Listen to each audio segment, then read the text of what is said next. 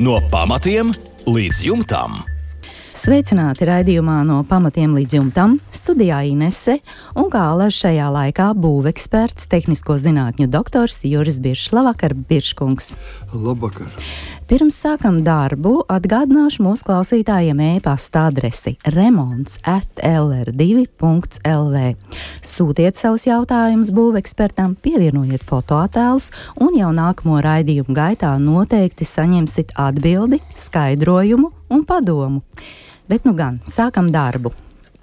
Rēnis mums raksta vēlos pārveidot 200 km2 lielu saimniecības ēku par apsildāmu publisku telpu.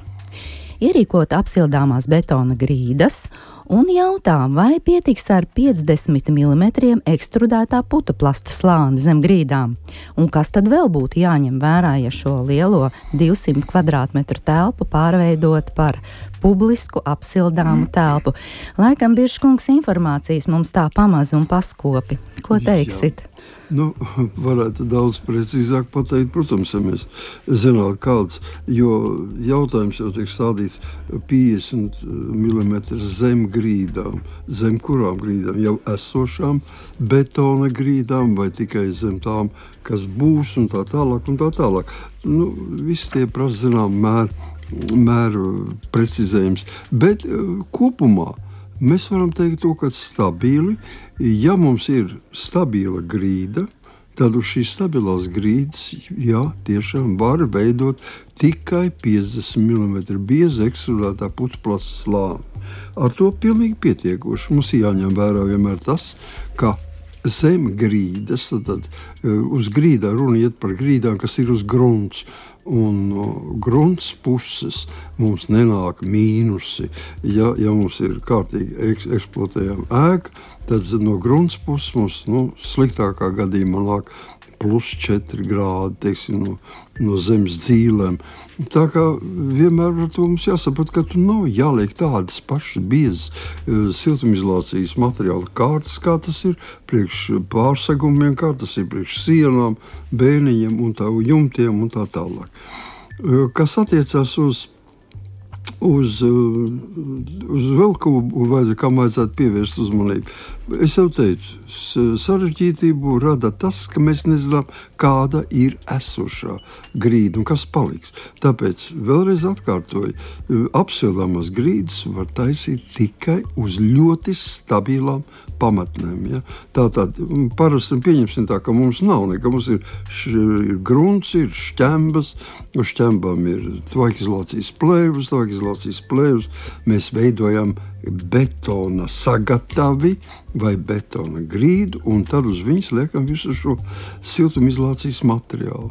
Ļoti bieži, kad tā ir jaunas grīdas, tad apakšā zem šī betona, betona plāta, zem betona plātnes veido nu, teiksim, 50, 70 mm siltumizolāciju, bet ne biezāku.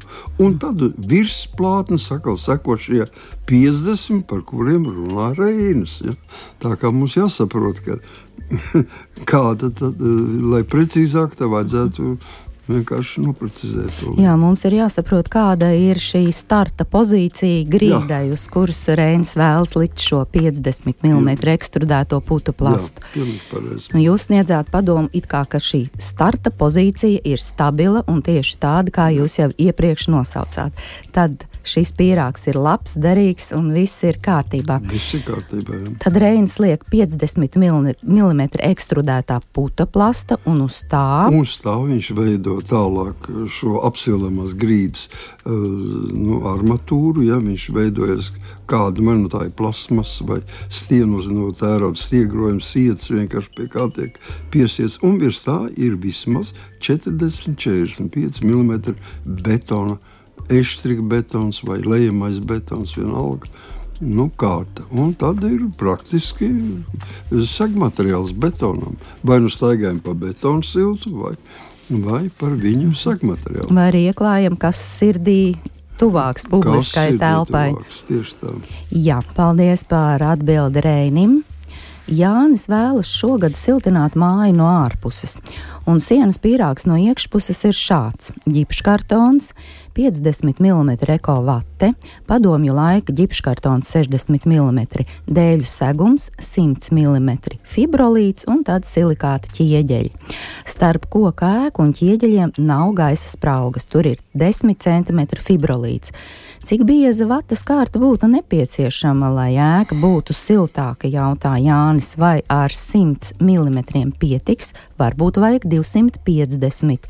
Mājā ir centrālā granulu katla apkure, radiatoru caurules ir siltinātas un iestrādātas ārsienās.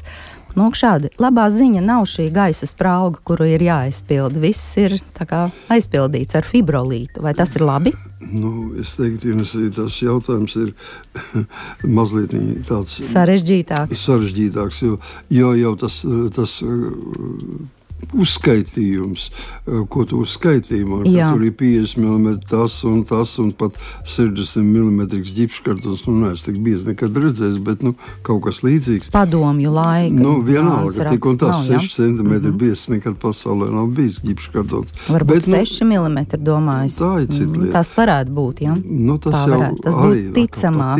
Tas jau atkal patīk, atkal nedara. Nu. nu, tas nav nekas, tas nav, nav tam liela nozīme nozīme pašreiz. Svarīgi ir tas, ka ir ļoti daudz kārtu, ir ļoti daudz dažādu materiālu. Un mēs lieliski zinām, ka nekad nevar salikt kopā kaut vai, teiksim, kaut arī Jānis saka, ka viņam nav gaisa spraugs. Nu, es mhm. domāju, ka šeit ir tik daudz gaisa spraugu starp katru materiālu, starp, starp teiksim, ģipškartonu un starp dēļu segumu, starp fibrolītu un starp silikātu ieģeli. Tāpat ir centimetrs vai puscentimetrs gaisa sprauga. Mhm. Gaisa spraugas um, ārsienās nav pieļaujams. Viņas veido mums, mūsu mitrajos Baltijas uh, klimatiskajos apstākļos, viņi veido, veido mitrumu, veido ūdeni, kas sakrājas tieši šajās tukšajās gaisa uh, spraugās, kuras nav ventilētas. Un tāpēc um, varētu teikt tā, kad ja viss būtu teorētiski pilnīgi aizņemta un nebūtu nekāds gaisa spraugs, tad ar 100 mm pietiktu. Bet tā kā mēs zinām, ka tur noteikti ir šo spraugu vairāk kā vajag, nu, tad es teiktu, ka labāk jau nu vismaz 20 vai vēl labāk 25 centimetri to, tos siltinājumu bati likt mm. virsmu lai kompensētu šo daudzpīrāga eh, gaisa, nekustīgā gaisa mm, daudzumu. Jā, bet pēc jūsu pieredzes šādām mājām, kur šīs gaisa spraugs tomēr ir sastopams, šajā katrā slānī jūs domājat, ka varētu būt Katrā. šis ris riska faktors? Nu, šis riska faktors ir katram, vien, jo tuvāk viņš tuvojas uh, telpu iekšpusē, jo tas risks paliek mazāks. Jo tuvāks viņš ir ārpusē, jo risks ir lielāks. Tāpēc, kad tur šis gaiss ir zemāks temperatūras un ātrāk var notikt mm -hmm. kondensācija. Un tad varbūt var arī ieteikt Jānim tomēr šo pīrāgu skatoties no iekšpuses nu, mainīt, lai būtu droši, vai nu, nē, tomēr. Nē, tas būs milzīgs darbs. Es saprotu, nu, tāpēc vienkārši, lai nodrošinātos ar mazāku temperatūru starpību, liekam šai gadījumā vairāk. Tas ir 250 mm siltuma izolācija, lai viņa neradītu turpmākajā sienas biezumā lielu temperatūru starpību. Viņa uzņems visu to smagumu uz sevis un tālāk paliks mazāk. Jo mazāka temperatūra starpība, jo tas ir mazāk kaitīgi arī pie gaisa spraugām. Jā, un māja būs siltāka. Nu, māja būs siltāka. Jā. Skaidrs. Ir, mazliet mēs varētu teikt, ka ir uh, pa daudz, jā, nu, nu, pārmērīgi silts 250 pie, pie tādas konstrukcijas, 250 mm tāpat tās neviens neieteiktu pēc, pēc aprēķiniem. Vienāk, bet ņemot vērā, ka nu, visticamāk šo spraugu ir ļoti daudz, nu, tad tas jāliek. Nu, skaidrs, ņemot vērā doto situāciju, 250 mm. Nāksies Jānim tomēr maciņu atvērt plašāk. Jā. Paldies par atbildi. Edgars ir jauna koka karkasas stāvbūve un plānots ir likt trīs kameru logus Un Edgars jautā, ar ko tos vislabāk būtu noblīvēt - kaņepju šķiedra, lini vai putas, kurš būtu optimālākais materiāls. Paši sliecamies uz šķiedru, bet visi iesaka izmantot putas. Un Edgars vēl jautā, kāda ir katra materiāla plusi un mīnusi. Mēs jau iepriekšējos raidījumos esam runājuši par šo jautājumu, un es zinu jūsu atbildi. Bet nu, tomēr mēs vēlreiz, vēlreiz to atkārtosim un pārliecināsim Edgaru. Jā.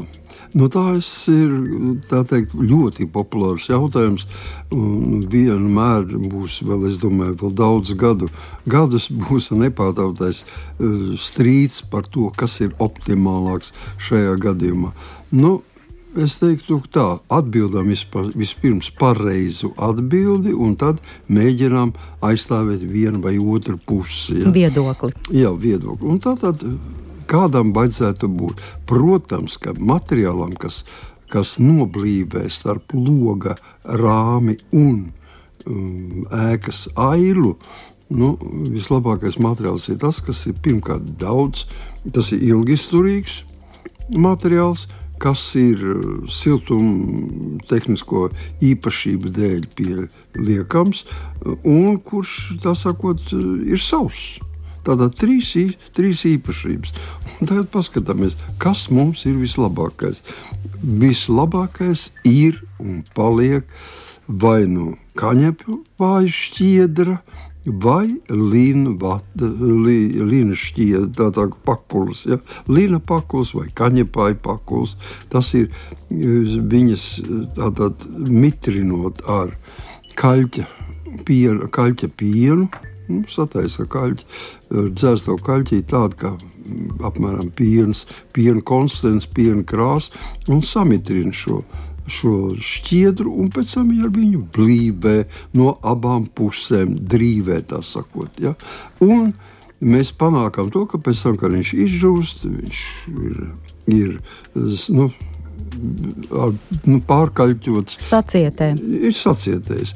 Un ka mēs sevišķi kādreiz novērojam, kad simtgadīgas mājas jauc nost, tad plēšot logus ārā, kūp. Vienkārši šīs kaļķis rada putekļu mākoni. Kūpis viņš tur paliek. Viņš tur ir simts vai vairāk gadus. Vienalga, cik viņš būs. Toties mūsu putas, kas ir nu, plasmasa, ja? plasmasa, ļoti plāna kārtiņa, ļoti milzīgs, liels daudzums mm, virsmas, jo ir viss poraina. Nu, viņa nevar izturēt šādas daudzums. Šis organiskais materiāls pirmkārt nav ilgisturīgs. Tātad pēc pusotra, diviem gadiem, maksimums diviem gadiem, vienalga cik uzmanīgi arī meistars neveidot šo, šo putu noblīvējumu. Viņš vairāk nestrādā kā siltumizolācijas materiāls, un vēji dūjot cauri. Nu, mēs pieliekot roku pie loga, mēs manām to, ka mums cauri staigā augsts gaiss. Ja. Tā tad tas nozīmē to, ka materiāls jau paliek tāds pats, kāds viņš bijis. Varbūt saule vairāk, saules pusēm vairāk iedzeltenā krāsā paliek, bet tik un tā viņš paliek. Bet viņš vairāk zaudē savas siltuma tehniskās īpašības. Ļoti daudz cilvēku pēc pusotra, diviem gadiem maina šo materiālu. Jā, viņš ir ļoti lēts un ātrs. Teiksim, vienu logu nu, arī dažu sekundžu, varētu teikt, dažu desmitu sekundžu laikā var, var noplīvēt ar putām. Toties ar, ar kaņepāju vai līnšu pakulām, tas prasīs jau laiku, kas mērams ir pusstundā un stundās. Nu jā, bieži kungs, bet logus jau nu mēs tik bieži nemainām, tā kā būtu gan vērts pacensties jā. šajā gadījumā. Nu, redziet, tur jau tā tas ir viens, tas ir, tas ir ļoti, ļoti, tā sakot, nu, stiprs arguments par labu tam, tā ir ilgisturība. Otram kārtam, šie materiāli ir strādā kā visu laiku saglabā savas siltumtehniskās īpašības putu materiāls zaudē viņus. Viņš pamazina, pamazina šīs īpašības. Ja mums ir teiksim, putu poliuretāne, kuri pieņemās tilpumā un kurus arī izmanto šai gadījumā, tad viņi ražojot, veidojot šīs putas, viņi tajos, tajos tukšumiņos uzklāja īpašu gaisa sastāvu, kas satur gāzi. Nu, īpaši siltumu nu, uzkrājuši gāzes un ļoti labi strādā. Bez šīs gāzes gada laikā ir nu, savienotas, viņas izplūst gaisā un galu galā tur ieviedojas tikai gaiss. Tā kā jebkurā gadījumā tas nav materiāls, kas būtu. Nu, vispār, jebkurā gadījumā, putu materiāli nav būvmateriāli. Tas ir palīga materiāls. Jā, ir redzēts, ka šīs logu ailes pat no ārpuses tiek tā kā putas ir redzamas, un tas šīs putas paliek tādas dzeltenas un birstošas, irstošas. Nu, nu ja viņas nenosedz, tad vispār viņas sabrūk. Jā. Viņas sabrūk. Saules uh, ultravioleto staru rezultātā viņas sabrūk.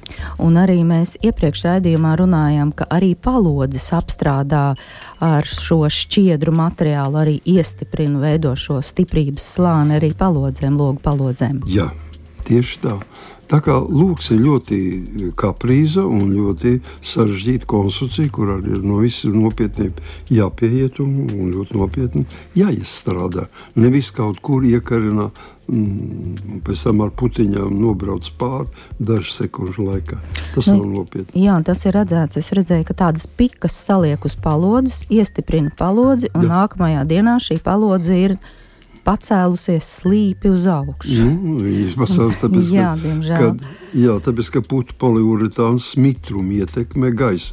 Mitrumu ietekmē viņš palielinās tilpumā, piepūšās. Mm -hmm. Viņš nebe, nav vēl nobeidzis savu piepūšanas procesu, izmainoties gaisa mitrumā. Viņš paceļ visu palodzi. Jā, un meistari jau ir gabalā. Nu, meistari. Paldies par šo skaidrojumu. Tātad izmantosim šķiedru materiālus, un mums būs ļoti skaisti un stabili logi. Pirmdienās, 7. vakarā Latvijas Rādio 2 celtniecības un remonta darbiem veltīts raidījums. No pamatiem līdz jumtam. Ar padomiem un atbildēm uz klausītāju jautājumiem Latvijas Rādio 2 studijā - tehnisko zinātņu doktors, būveksperts Juris Biršs. Gunča mums raksta. Sena, liela guļbaļķu māja, zem mājas pagrabs. Pagraba griezti no betona plāksnēm, virs tām ir istabas ar dēļu grīdām. Grīdas ir augstas. No kuras puses un ar ko pareizi siltināt, lai grīdas būtu nu vismaz ciešami siltas? Nu, salst kājas, ko darīt, bieži kungs. Jādara Jā. kaut kas, jārīkojas. Nu, viens ir skaidrs, ka jāsiltina, vai arī, Jā. vai arī teiksim, jūs siltiniet savus eh, čību zolas, nu, vai sil, ļoti siltas zeķes, vai, nu, es domāju, ka vienkāršāk ir nosiltināt grīdu un staigāt eh, tā, lai būtu ļoti ērti. Un lai būtu ērti un silti, tad izvēlamies vienmēr pareizu principu. Mums ir pagrabs. Es jau iepriekšējos jautājumos teicu, ka pagrabā temperatūra nu, ziemas laikā, ja jūs dzīvojat šajā mājā, nekad nepacelsies zemāka par mm, plus 3, plus 4 grādiem. Un tas nozīmē, ka nu, apmēram tāda būs arī šīs betona plātnes temperatūra. Bet betons ir biezs. Un, un šī augstā betona plātne paņems pati paģēries ļoti daudz siltuma, lai sasiltu. Kāpēc mums būtu jāsilda šī plātne? Tāpēc siltumizolācijas materiālu izvēlamies likt virspusē. Un virspusē mums pilnīgi pietiek ar 5 centimetriem. Pat 3,5 cm, 3 cm līdz 5 cm ir tas diapazons, kas sev atmaksājas, un mēs liekam virsū ekstrudēta putu polistirolu, vai mēs liekam virsū mīkstās kūšķiedra plātnes. Nu, praktiski ir vēl daudz vesela strīpa, nu, siltumizolācijas materiāls, kurš varētu šeit pielietot. Ar saskarsme ar cilvēku nav nekāda. Virsū sekos grīdas eh, segmateriāls, un tāpēc nu, kā teicu, jau no betona virspusē. Tātad istabas pusē mēs liekam šo materiālu, un pēc tam liekam virsū dēļu grīdu. Kādā veidā? Liekam uz siltumizolācijas materiālu plakaniski dēļus, ik pa 30 centimetriem, un tālāk strādājam uz viņiem virsū dēļu dēļu grīdu. Izveidosies tāda peldoša grīda. Ja? Bez, bez um, pagrīdes, un kas ir teiksim, lauka apstākļos ideāli, ja, lai nebūtu nekādi, nekādi kute, mm, kukaiņiem un grauzējiem, nekādas iespējas dzīvot. Jā, un mēs noteikti varam izmantot šo pašu dēļu klājumu, ja tas ir labā stāvoklī. Jā, protams, protams ka varam. Paldies par atbildi! Un vēl Jurija vēstule. Uzbūvēta 6x5 metri mājputnu novietne, betona grīdas, divu slīpju jumts, jumta koras galā 20x20 cm ventilācijas atvere ar resti, un telpā ir arī loks. Un tur atrodas apmēram 100 mājputnu, daudz, bet ir liels mitrums un sienas noraso. Kā pareizi izveidot ventilācijas sistēmu, lai novērstu šo lieko mitrumu telpā un putni justos komfortabli? Jā, nu šeit eh, Jurijs mazliet uh, iedomājās, ka būvnieks ir visu dievs. Viņš nav dievs. Būvnieks atbildēs par to, lai jumtam būtu laba ventilācija, lai teiksim, sienas no ārpuses vai no iekšpuses atkal varētu notikt, notikt visi procesi, notiek būvniecības konstrukcijas. Kā būvnieks neatbild par to, lai uh, ventilācija notiktu telpā telpā lūdzu pielietojam, pielietojam mm, dažna, dažādas ventilācijas sistēmas, dabiskas un mākslīgas un rekuperācijas sistēmas, ko tikai sirds vēlas, bet ar to nu, nodarbojas citi cilvēki.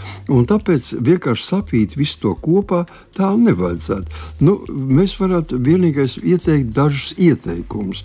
Nu, es saprotu, ka eh, nu, nu, tādiem lielākiem dzīvniekiem kā govis un, un aitas un ļoti bieži viņiem vispār šajās telpās atstāja kori vaļā kori ir vaļā, viņi rada pietiekoši lielu daudzumu siltumu un notiek dabiska ventilācija. Es šeit domāju, ka putniem tā nevajadzētu darīt. Kad teiksim, pie zināmiem apstākļiem mēs jau, mēs jau varētu pateikt, vienkārši ierīkojam vēja dzirnaviņus, un viņš jums izraus ārā visu šo, šo Lieko mitrumu. Lieko mitrumu. Baidos, ka arī, arī, arī ar visām vistiņām. ar visām vistiņām, vai nu, varbūt tik traki nebūs, bet, bet uh, viss var izraut to siltumu tik daudz, ka viņam Jā. būs par augstu. Tāpēc uh, paskaidrosim sekojoši.